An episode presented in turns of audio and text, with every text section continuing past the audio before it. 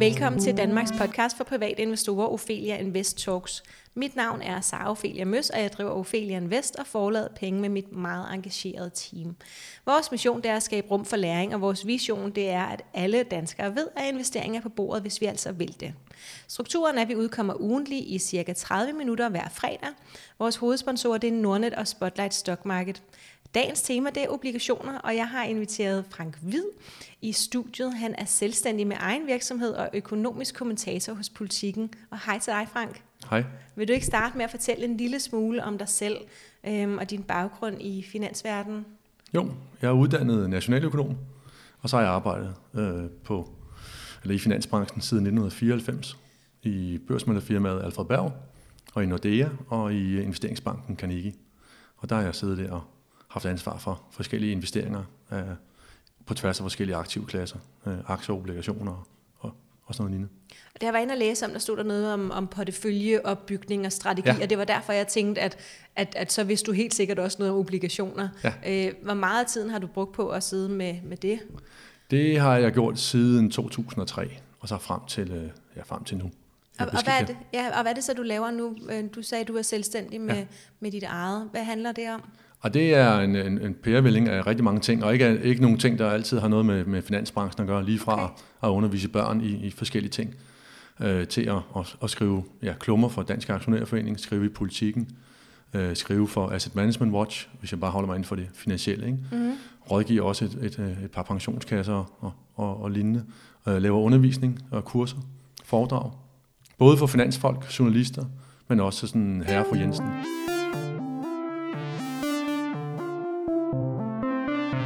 Skal jo snakke obligationer i dag, ja. øhm, og vil du ikke starte med bare at fortælle sådan helt simpelt, hvad er en obligation? Jo, det er, kan man sige, det er jo et lån, det er en slags øh, gældsbevis, øh, hvor du, når du investerer i en obligation, jamen så låner du nogle penge til nogen, der har udstedt øh, obligationen, og så kan de bruge de penge til forskellige ting, hvad de nu har, har lyst til at bruge dem til.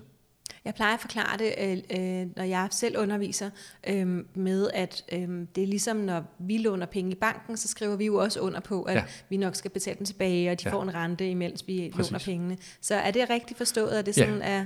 Det, nu er det bare os, der ja. yder lånet i stedet ja. for. Så hvis man som, øh, for eksempel som privatperson øh, har brug for nogle penge, så kan man gå ned i banken. Man kan også, øh, man kan også udstede nogle obligationer, og det er jo det, vi typisk gør som privatpersoner, når vi skal have finansieret vores ejerlejlighed eller eller vores hus. Så ja, det er et, det er et gældsbevis, det er et lån, øh, som der bliver udstedt, og, og det vil sige, at man låner altså nogle penge, og så til gengæld så får man så noget rente, og så på et tidspunkt så udløber lånet, og så får man pengene tilbage, man, mm. man har lånt ud. Og hvorfor findes der obligationer? Jamen det er jo fordi, at øh, han har fundet ud af, at det er jo smart det der med at kunne låne, fordi en gang imellem så står man og skal investere, øh, eller man har brug for nogle penge. Det kan være til forbrug, det kan også være til investeringer og ikke altid man har alle pengene, så er det jo rart, at man kan, man kan låne. Og så, øh, så startede det for mange, mange år siden jo med, at man, så kunne man låne i, øh, af hinanden, eller man kunne låne af en bank. Og så på et tidspunkt så opfattede man også, at man kunne øh, lave altså obligationer, slags gældsbeviser, og udstede dem, som så kunne blive handlet på et marked. Og så, øh, så kunne alle mulige forskellige, der havde brug for penge, de kunne så udstede de her obligationer, og så kunne omvendt øh, nogen, som havde øh, penge, de gerne ville investere, jamen de kunne så investere i det her og få en rente. Men jeg må jo ikke som privatperson udstede obligationer, vel? Nej, det er jo typisk så, øh, så, så er det jo et institut, der gør det, eller øh, ja, vi har også ligesom en tre, øh, man kan sige, tre former for, for udsteder. Det ene, det er sådan statslige, offentlige, kommuner, halvoffentlige organisationer. Det kan være Verdensbanken, det kan være den danske stat, den tyrkiske stat, der udsteder obligationer. Kan en dansk kommune øh, også udstede obligationer? Ja, øh, der, der, der findes også øh, Hvad hedder den type obligationer? Hvad siger du? Hvad hedder den type obligationer? Er det stadig statsobligationer? Nej, det er det ikke. Så er det en kommune, der, der udsteder den. Men øh, kommunen er jo en del af, kan man sige, af, af den offentlige sektor i Danmark. Så hvis vi har øh, en kommune udsteder obligationer, så ved vi jo godt, at det er forholdsvis sikkert papir. Øh, det er ikke staten, men så er det en, en, en kommune, der der har udstedt Og hvad, hvad hedder sådan en obligation, hvis jeg gerne vil, hvis Brande Kommune, eller det ved jeg slet ikke, om der er noget, der hedder, øh, men, men hvis Københavns Kommune udsteder øh, en obligation, hvordan finder jeg den? Som privatinvestor? Jamen, den, øh, man kan se dem i kurslisten. Der står, øh, der står forskellige øh, obligationstyper, og der står de med, med, med navn der. Okay. Så det kan være alt muligt for, For nogle år siden arbejdede jeg selv i, for mange, mange år siden i Storebæltsforbindelsen, som udstedte obligationer øh, for at finansiere øh, den forbindelse der. Og det, det er jo sådan noget, man, øh, der også bliver brugt. Ikke? Så man kan Men sige, var de ikke også et selskab? jo, de var et selskab. Ja, og så var det vel en virksomhedsobligation? Ja, Ja, okay. men Godt, det var, du- stadig med, det var stadig med statsgaranti. Okay, godt. Det var dem, der staten stod bag Storebæltsforbindelsen, så man vidste hele tiden, når man købte de obligationer, okay, der er en stat, der står bag. Ja, godt. Øh, så staten kan stå bag, enten kan de selv udstede dem direkte, eller også så kan, kan de jo stå bagved og garantere.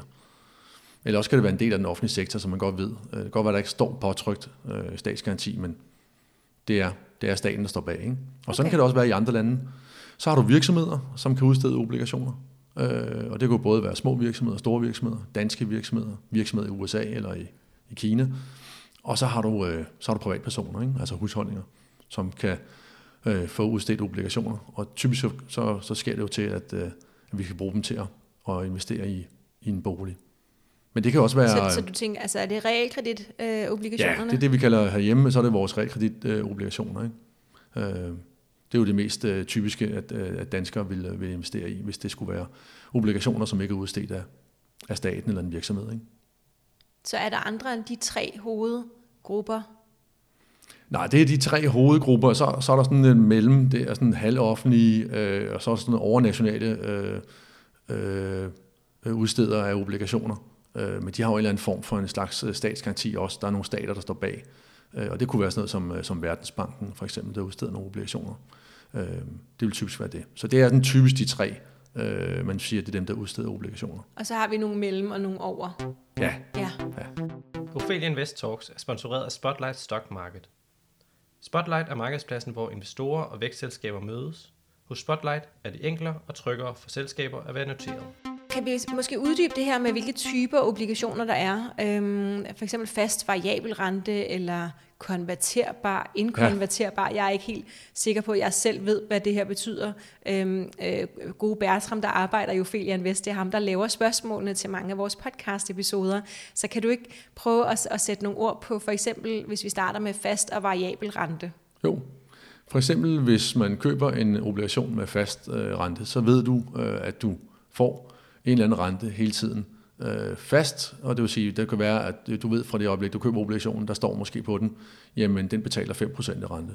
Så får du 5% i rente, øh, måske en gang om året i, øh, i den løbetid, og det kan være 5 år, eller 10 år, eller 30 år, som obligationen løber. Det kan også være, at obligationen er udstedt med en variabel rente, så betyder det, at øh, den rente, du får, den øh, kender du ikke fra, øh, fra begyndelsen af, for den vil hele tiden variere med, hvad er renteniveauet i, øh, i samfundet, øh, mens øh, obligationen den, den løber. Og så ligesom på øh, banklån. Ja, det kan du sige. Ja. Det er lidt det samme som øh, de, typisk de fleste banklån.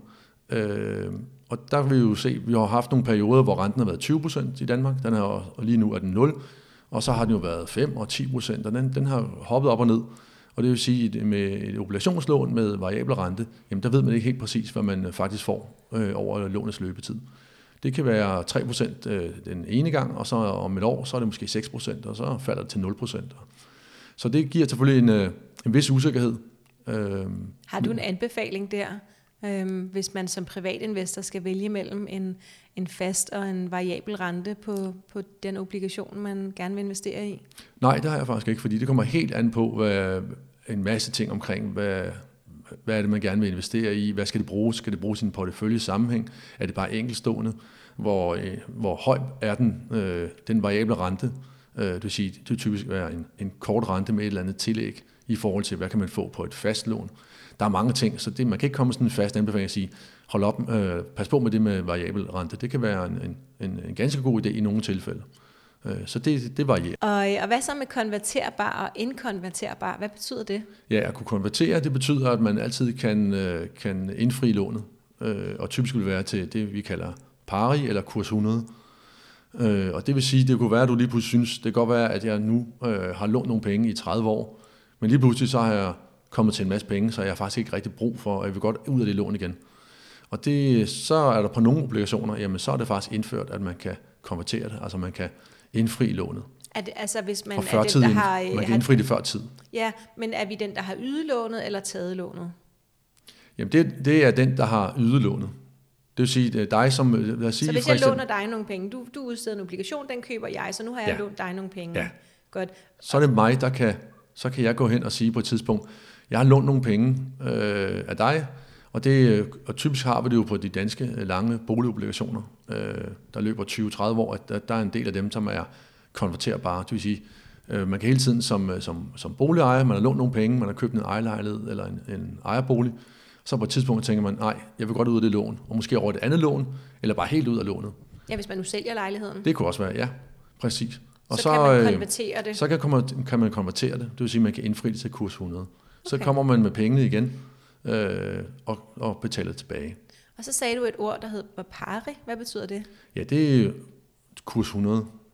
Okay. Og det okay, vil sige så pari typisk- er bare et andet ord for kurs 100. Ja, det, vil sige. det er præcis det ikke, at, øh, at, man, øh, at det er, når typisk så ser man, at, at lånet udløber i, i, i kurs 100. Ikke? Og det er det pålydende øh, værdi, som står på, på gældsbeviset eller obligationen.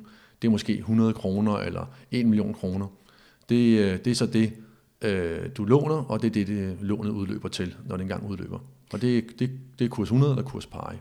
Og, og grunden til, at man overhovedet snakker om det, det er fordi, at kursen godt kan bevæge sig væk fra. Altså, vi køber til kurs 100, ja. Og vi indfrier til kurs 100. Men i mellemtiden, der kan den både stige og falde. Ja, og jeg vil da sige, når du udsteder, så er det ikke engang sikkert. øh, Det kan godt være, der står 100, øh, at du udsteder et, et gældsbevis, altså en obligation til, til, til pari. Det står der pålydende på. Men kursen i markedet er måske øh, lidt derfra. Det vil sige, det er måske kurs 99, så der kan være et lille kurstab. Det er typisk det boligejere, de ser, når de udsteder nye obligationer. At man udsteder ikke helt til kurs 100.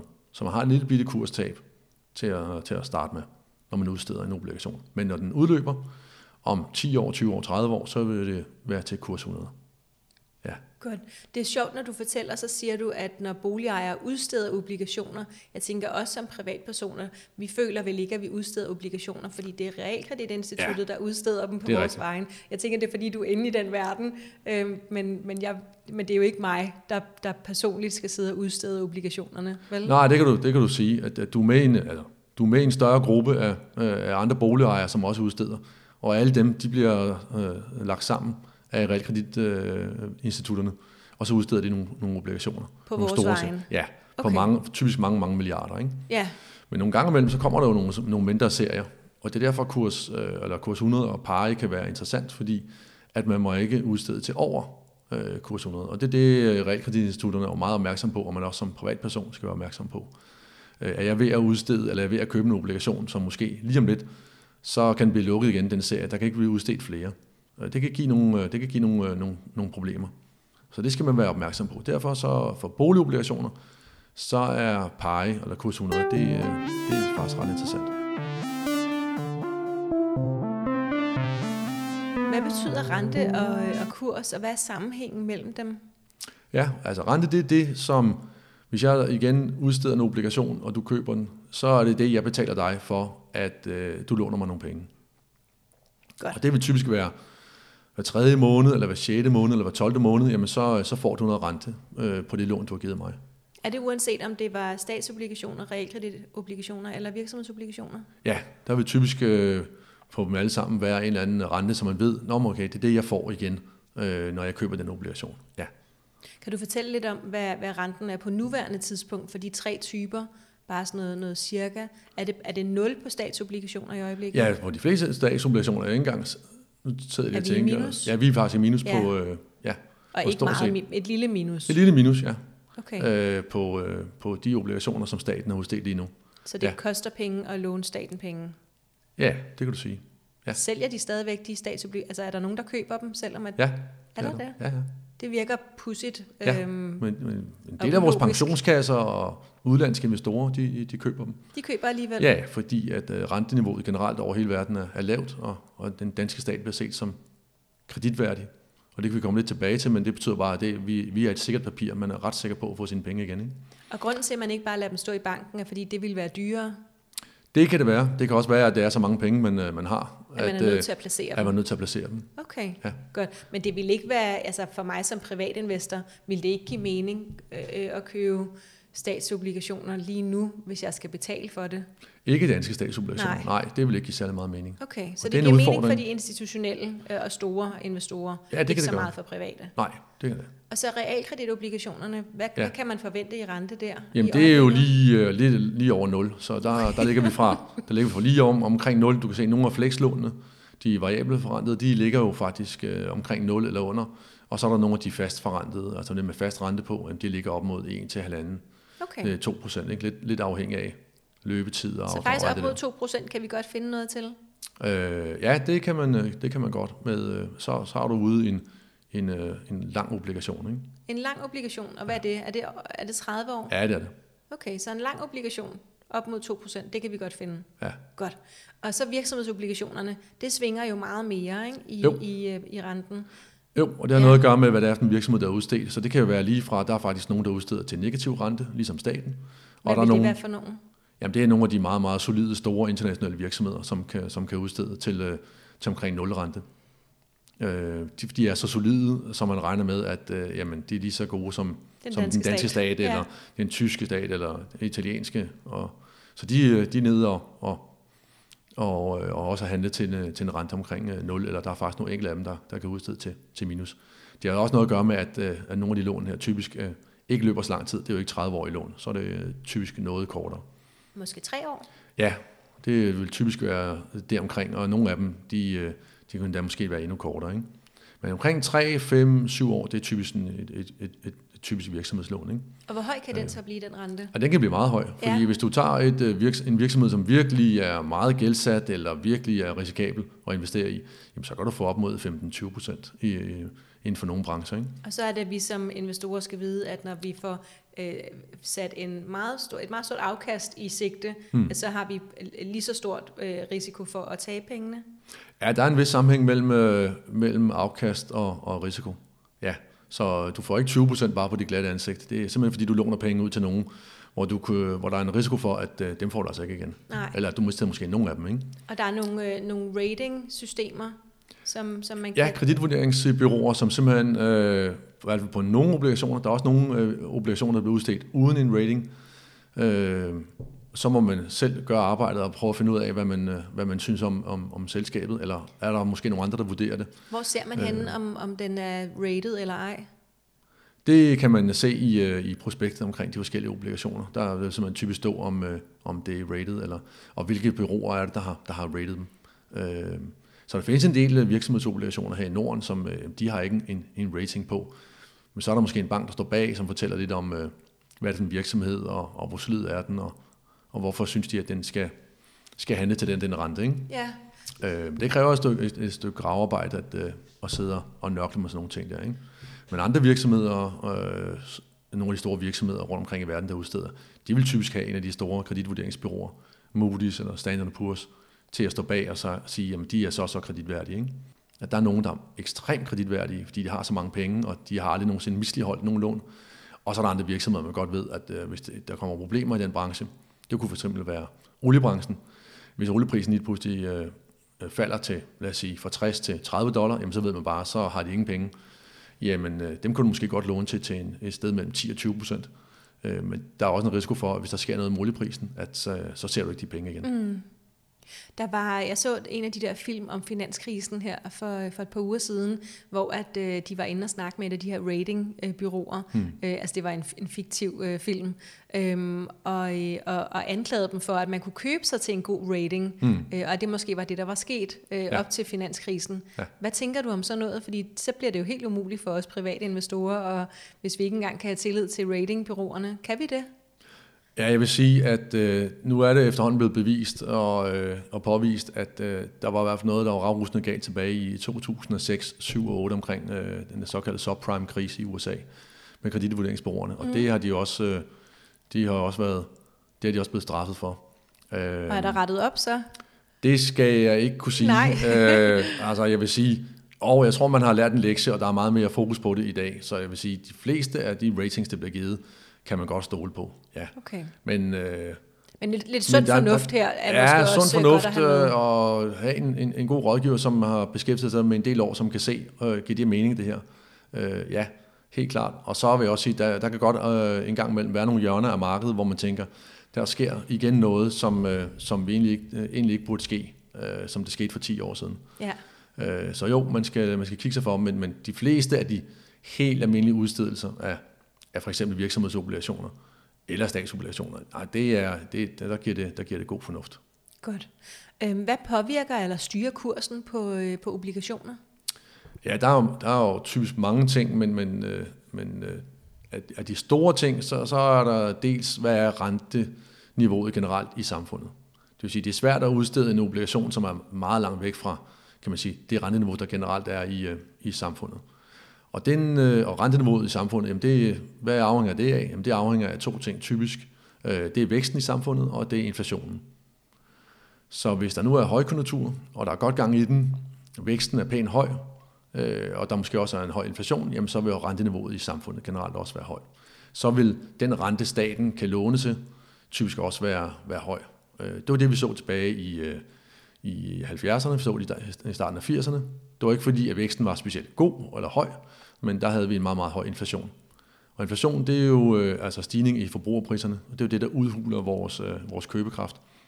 Og hvis jeg skal købe en obligation, øh, og inflationen er 20 så vil jeg som minimum i hvert fald også kræve 20 i rente. Eller hvis nu inflationen var 5, så vil jeg minimum kræve 5 øh, procent i rente. Øh, ellers så får jeg udhulet min købekraft. Mm. Så inflationen har meget at skulle øh, sige omkring renteniveauet. Ja, og for bare lige at sætte nogle konkrete tal på, på inflation. Hvis vi sætter 100.000 kroner i banken og får 0 rente, så øh, hvis vi går 10 år ud i fremtiden, så har vi 18.000 kroner mindre at købe for med sådan en, øh, den ønskede inflation. Øh, er, er det ikke korrekt? Øh, det er i hvert fald det, jeg plejer at sige derude. Så det er bare for at gøre det meget konkret, at, øh, at ja. inflationen altså gør, at vi bliver fattigere øh, ja. hele tiden, ikke? Ja. da vores penge er mindre værd. Ja. Og der er et mål om i den vestlige verden, at, øh, at regeringer og centralbanker, de vil godt have, at inflationen er lige omkring, eller lidt under 2%. Ja. Og lige nu der er den lavere, øh, typisk i en del vestlige lande, og især i Europa og i Danmark, jamen der ligger den helt nede under 1%. Under 1 procent? Ja. Og okay. det er derfor, det er en af grundene til, at vi har så lavt renteniveau lige nu. Ikke? Så, øh, så renten, øh, renteniveauet i samfundet, det vil sige, hvor meget inflation er der i samfundet, hvor meget vækst er der i samfundet, har stor betydning for det generelle renteniveau. Og så det generelle renteniveau, det, det bestemmer sig lidt, når man, hvad skal, hvad, hvor høj skal renten så være på alle dem, der godt vil udstede obligationer. Mm. Øh, og der, hvis du er kreditværdig, og det er så den anden del af det, øh, som meget kommer ind og påvirker, det er jo, hvem er det, der udsteder, og hvem er det, der gerne vil, altså hvem er det, der udsteder obligationen, og gerne vil låne penge. Er de kreditværdige, jamen så vil renten typisk jo være lavere, fordi jeg ved, hvis jeg køber den obligation, jeg får mine penge igen. Hvis det er nogen, som vi snakker om lige før, omkring virksomheder, som ikke er særlig kreditværdige, jamen så vil jeg jo kræve en kompensation, det vil sige en, en meget højere rente. Ja. Kan man videre sælge en obligation, hvis man først har købt den? Ja, det kan man godt. Ja? Ja, den okay. er omsættelig i markedet, ligesom, øh, ligesom aktier. Det vil typisk være de, de er omsættelige, om det er realkreditobligationer, statsobligationer, virksomhedsobligationer. Ja. ja. Hvad, hvad er fordele og ulemper ved at købe henholdsvis øh, enkelte obligationer, eller købe sig ind i en obligationsfond? Ja, det er lidt forskelligt, øh, hvad der kan være, hvornår man skal gøre det ene og det andet. Mm. Øh, og igen, så er det sådan ret individuelt, hvad der lige passer. Så sådan nogle tommefingerregler kan man ikke sige, men øh, fordelen ved at købe enkelt øh, obligationer, det er, at øh, det er forholdsvis overskueligt. Du ved, jamen det er den her obligation, du ved, hvornår, hvor lang tid den løber, du ved, hvor, hvad for en rente du får tilbage. Og Plus, hvornår du får hele lånet tilbage. Og du får hele lånet tilbage, ja. ja. Og det er forholdsvis billigt. Altså du køber den, og så er der ikke rigtig noget løbende omkostninger der, øh, derefter. Hvis man køber det i en obligationsfond, øh, en investeringsforening eller en ETF, jamen så, øh, så er der jo en løbende omkostning ved siden af. Og så er det jo en blanding af hundredvis af obligationer. Ja, så, så skal man jo læse, så, så skal man læse i prospektet omkring, hvad er, hvad, hvordan ser det ud lige nu, hvad er det for nogle ting, der er investeret i? Hvad kan man forvente nogenlunde i afkast i de kommende år? Øh, og så har du en løbende og så har du en løbende udgift øh, til, øh, til investeringsforeningen. Ja, ligesom og især, med alle andre fonde. Ligesom med ja. alle andre fonde. Og lige de år her er det jo øh, sådan ret, øh, det er jo der, hvor der er en lille, vi er lidt ude i noget, vi ikke har prøvet før. Fordi når renten er så lav, så betyder det faktisk, at der er en del obligationsfonde, hvor du stort set ved fra start af, hvis du investerer i det, så får du ikke noget afkast. Ligesom med statsobligationerne, vi snakkede om lige før, mm. som har negativ rente, så har du altså også nogle obligationsfonde, hvor det, de obligationer, de må købe, det står som i prospektet, men det kan være, at de giver så lav en rente, så efter omkostninger, så er der faktisk nul tilbage til dig selv. Så skulle det igen være, fordi man har så mange penge, at man er nødt til at have dem placeret, men så ville man Ja. have gjort det i øh, enkelte obligationer, ikke i en fond. Det kunne man gøre, ja, det kunne man gøre, men det kunne også godt være, at man synes, man godt vil, vil, vil sprede sig ud øh, på øh, at få spredt sin risiko. Så det kan sagtens være, at man tænker, ja, jeg har flere millioner stående, jeg vil ikke have dem til efterhånden. Nu får vi også negative renter på bankindskud, øh, indskud, og så bliver jeg simpelthen bare nødt til at, at have pengene et eller andet sted. Ja, og det leder os øh, rigtig fint videre til næste spørgsmål, fordi bør man overhovedet som privatinvestor have obligationer i sin portefølje? Øhm, og, og, og måske også hvor stor en andel, men jeg tænker, det, så vil du bare sige, at det er individuelt. øhm, men synes ja. du, at, at alle bør have obligationer i deres portefølje? Ja, og det har jeg jo altid været fortaler for, men øh, det, vi er i den her specielle situation nu, mm. at nu skal man tænke sig ekstra godt om, Ja. fordi renten er så lav. Ja, Men generelt, indtil at renten er her det sidste par år er blevet så lav, så er det helt almindelig standard, øh, øh, god skik, kan man sige, for hvis du skal lave en, en portefølje, der du spreder dine investeringer ud på forskellige investeringer, det vil sige aktier, forskellige typer obligationer, det kan være alternative investeringer, øh, alt muligt andet. Mm. Ja, men nu hvor vi så er i et øh, øh, helt ukendt øh, Yes. miljø, Øhm, når jeg øh, holder foredrag, og det gør jeg øh, nærmest hver uge et eller andet sted i landet, så, så siger jeg i øjeblikket, og jeg er jo ikke ekspert på obligationer øh, eller økonomi for den sags skyld, men at man som privatinvestor måske skal vente lidt med at købe obligationer, mm. fordi at øh, hvis øh, renten den stiger, så vil værdien af vores obligationer falde. ja, Øh, og så kan vi i hvert fald, så er det dumt at komme af med dem i den tid, løbetiden er. Ikke? Ja. Øhm, plus at inflationen gør, at vores penge øh, efter de der 3, 5, 7, 10 år måske bare er mindre værd. ja. Øhm, så, så er det rigtigt eller forkert? Øh, Ja, både og. Igen, Ja. Det er ikke helt nemt. Det er faktisk lidt sparet. Øhm, for det er jo rigtigt, at, øh, at det giver måske ikke så meget mening, men øh, omvendt så, hvad skal du ellers gøre med pengene? Og hvis du ikke bare vil have Nå, alle dine invest- jo- investeringer i aktier, som kan svinge meget, og de kan jo også lige pludselig miste 20, 30, 40 procent i værdi, ja, så skal du måske øh, have investeret øh, nogle af pengene. Plus, som vi snakkede også om i starten, man kan faktisk godt finde nogle obligationer, der kan give lidt afkast, også efter omkostninger. ja, realkreditobligationerne. Det kunne være det. Det kunne ja. også være nogle udlandske obligationer. Det kunne være nogle virksomhedsobligationer. Det Men- Men, kunne være øh, nogle andre stater end, øh, end den danske stat. Og så har du selvfølgelig nogle andre risici indover. Ja, Øh, valutarisiko. og så er der valutarisiko, og der er noget kreditrisiko igen. Du siger det der med, øh, kan jeg sik- være sikker på, at jeg får penge igen, hvis jeg nu køber en russisk øh, statsobligation. Så er der både noget med rublen, men så er der også med ham Putin. Vil han betale tilbage, når lånet udløber? Hvor mange Øh, penge skal man have for at købe obligationer? Fordi jeg kan huske, øh, min, øh, min kloge stefar rådede mig til at købe, eller fortalte, at han selv havde DSV-obligationer i sin portefølje, og så gik jeg glad ind for at købe det, så stod der, at jeg skulle købe for 50.000 euro, hvis jeg skulle købe DSV-obligationer. Hmm. Ja, så det er 350.000. Så tænkte ja. Jeg, så får jeg ikke den spredning, Nej. jeg havde tænkt mig Nej. for mine penge. Nej. Øhm, så, så nu siger du udenlandske obligationer, og hvad ved jeg.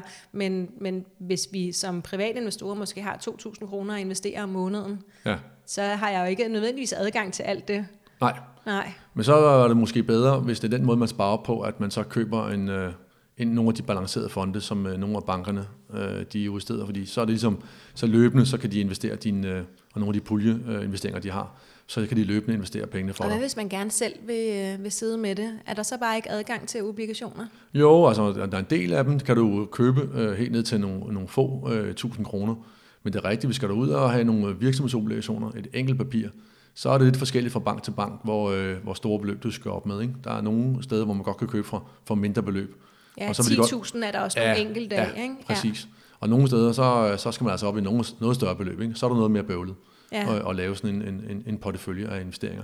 Så for øh, sådan nogle mennesker som, øh, som mig og dem, jeg møder derude øh, i, øh, i det almindelige Danmark, øh, så er der faktisk øh, ret begrænsede muligheder for at investere i obligationer, lyder det som om. Ja, det, igen kommer det an på, hvad den beløb, vi snakker om. Og vi snakker om Ja, nogle få tusind kroner. ja, mellem 1.000 og ja, 5.000 så er, om det, så er det forholdsvis begrænset. Så der er obligationsfonde, der er obligations-ETF'er, og så er der nogle enkelte papirer, hvor det kan give mening, at man kan, man kan sætte nogle penge i. Ja, ja og obligationsfondene, øh, skal vi så skal vi vente til, til renten den er, er opadgående med at kaste os ud i dem, eller giver det også mening at hoppe med nu, selvom at, at de måske giver minusafkast? Ja, det kommer igen an på, hvad for nogle obligationsfonde vi snakker om, fordi ja. nu, kan jeg godt, nu snakker du om minusafkast og, og negativ rente, men det vil jo kun jo typisk være på danske statsobligationer, danske, danske obligationsfonde, ja. men der findes jo også fonde med virksomhedsobligationer, Yes. som kan give nogle procent i afkast, Ja, og så findes der de her såkaldte højrentemarkeder, øh, som er jo typisk øh, statsobligationer eller, eller virksomhedsobligationer, udstedt ude i nogle af de mere eksotiske lande. Ikke? Ja. Øh, og det kan være i Sydamerika, i Afrika, i, i Asien, øh, Østeuropa. Og når man skal Og lede er efter dem, så står der high yield. Kan det ikke passe? Der kan stå high yield, øh, og der kan stå emerging market. Øh, det er to forskellige slags. Der kan stå høje renteobligationer. Men så er vi også oppe i noget, som er, som er mere risikabelt. Ikke? Ja. ja. Okay. Så det er sådan, så man kan kombinere det, men øh, lige nu er det for første gang i, øh, i, øh, i vores levetid, eller faktisk nogensinde, er det blevet lidt sparet omkring de danske obligationer, Ja. fordi renten er så ekstremt lav, så du, ja, du får faktisk ikke rigtigt det store afkast på en hel del obligationer, og en hel del af obligationsfonden. Ikke? Så det skal du have kigget godt, øh, godt efter. Øh, Hva- Hvad er så dit bedste råd til nye investorer, som øh, jo, vi er jo vokset op med, at, at vi skal have obligationer i vores, øh, hmm. vores portefølje, og det er også det, de siger i banken, hvis vi går ned og spørger dem, Hmm. og du taler også om balancerede fonde. Hmm. Øhm, har du et råd til, til private investorer øhm, i forhold til deres øh, sådan generelle porteføljeopbygning? Altså Ja, ja, med obligationer øh, Ja. ja. in mente? Ja, og igen vil jeg starte med at sige, at det er, vi er ude i en situation, vi aldrig nogensinde har været for. Ja. Øh, Så det er blevet lidt mere sparet. Øh, men først og fremmest vil jeg sige, øh, et, man skal jo holde fokus på omkostningerne. På- Og det er jo især, hvis man, øh, hvis man køber en masse enkelte papirer, altså nogle virksomhedsobligationer, jamen der er en del omkostninger på det. Og også hvis man køber obligationsfonde, jamen hvor meget får jeg rent faktisk i afkast efter omkostninger? Det skal man være meget fokuseret på. Og så skal man snakke med sin bank eller sin rådgiver, hvem man nu har, det kan også være, at man har nogle uafhængige rådgiver, om øh, hvad er det for nogle fonde, øh, hvis man allerede har investeret, hvad for nogle fonde er det, jeg rent faktisk har lige nu i min portefølje? Giver det mening, at jeg stadig har dem? Der er nogle steder, hvor man har været lidt langsom til at øh, tage fat i kunderne og sige, hov, verden og situationen har ændret sig. Så, Så måske, lige sætte øh, spørgsmålstegn til Ja, det skal de. forvaltningen. Det er helt sikkert. Det må man gerne, ja. Ja, det må man godt. Og det er ekstra påkrævet lige de her, de her tider her, hvor øh, der, der ligger altså en del øh, obligationsfonder derude, hvor man tænker, jamen det, det kan vi faktisk ikke rigtig regne hjem. Det er ikke nogen god forretning. Og ellers så vil jeg sige, så, så er det jo at snakke med sine rådgiver øh, om, øh, men der er også andre obligationstyper De øh, rundt fleste af os har ikke en rådgiver, Frank. Nej, det, og det har man jo sådan set øh, via sin, øh, sin bank, og så kan man jo kalde dem øh, rådgiver, eller man kan lade være med at kalde dem Okay, rådgiver. så det er bankrådgiveren, du tænker det på? kan være bankrådgiver. Der er også nogen, der har uafhængige rådgiver. Øh, der er også nogen, der har måske en, en i familien, som har lidt forstand på det. Øh, og snakke med dem om, at der er også andre typer af obligationer, som giver lidt højere rente. Øh, men typisk, hvis vi snakker en porteføljesammensætning, så skal du have noget rådgivning, fordi så, så er det lidt mere sparet at, at sætte de forskellige ting sammen. Ikke? De forskellige obligationstyper, de forskellige aktier, øh, måske også nogle alternative investeringer. Der skal man have noget rådgivning. Øh, det skal man. Men omkostninger og rådgivning, og så se på, at der er andre muligheder end bare, end bare danske obligationer. Det er nogle af de råd, jeg kan give videre. Ja, godt. Jeg håber, I er blevet klogere på obligationer nu. Tusind tak, fordi du vil være med, Frank. Selv tak. Ja, øhm, du kan følge Ophelia Invest på Facebook, Instagram og YouTube. Feedback er altid velkommen. Hvis du har ris, ros eller forslag, så send dem endelig til kommunikationsnabla.opheliainvest.dk. Du er også velkommen inde i vores to investor communities på Facebook. Vi har Aktieklubben Danmark for øh, private investorer øh, rettet mod nybegyndere, og Kvindelogen investeret til alle damerne, der sparer om investering. Og så er der bare tilbage at sige tusind tak, fordi du lyttede med.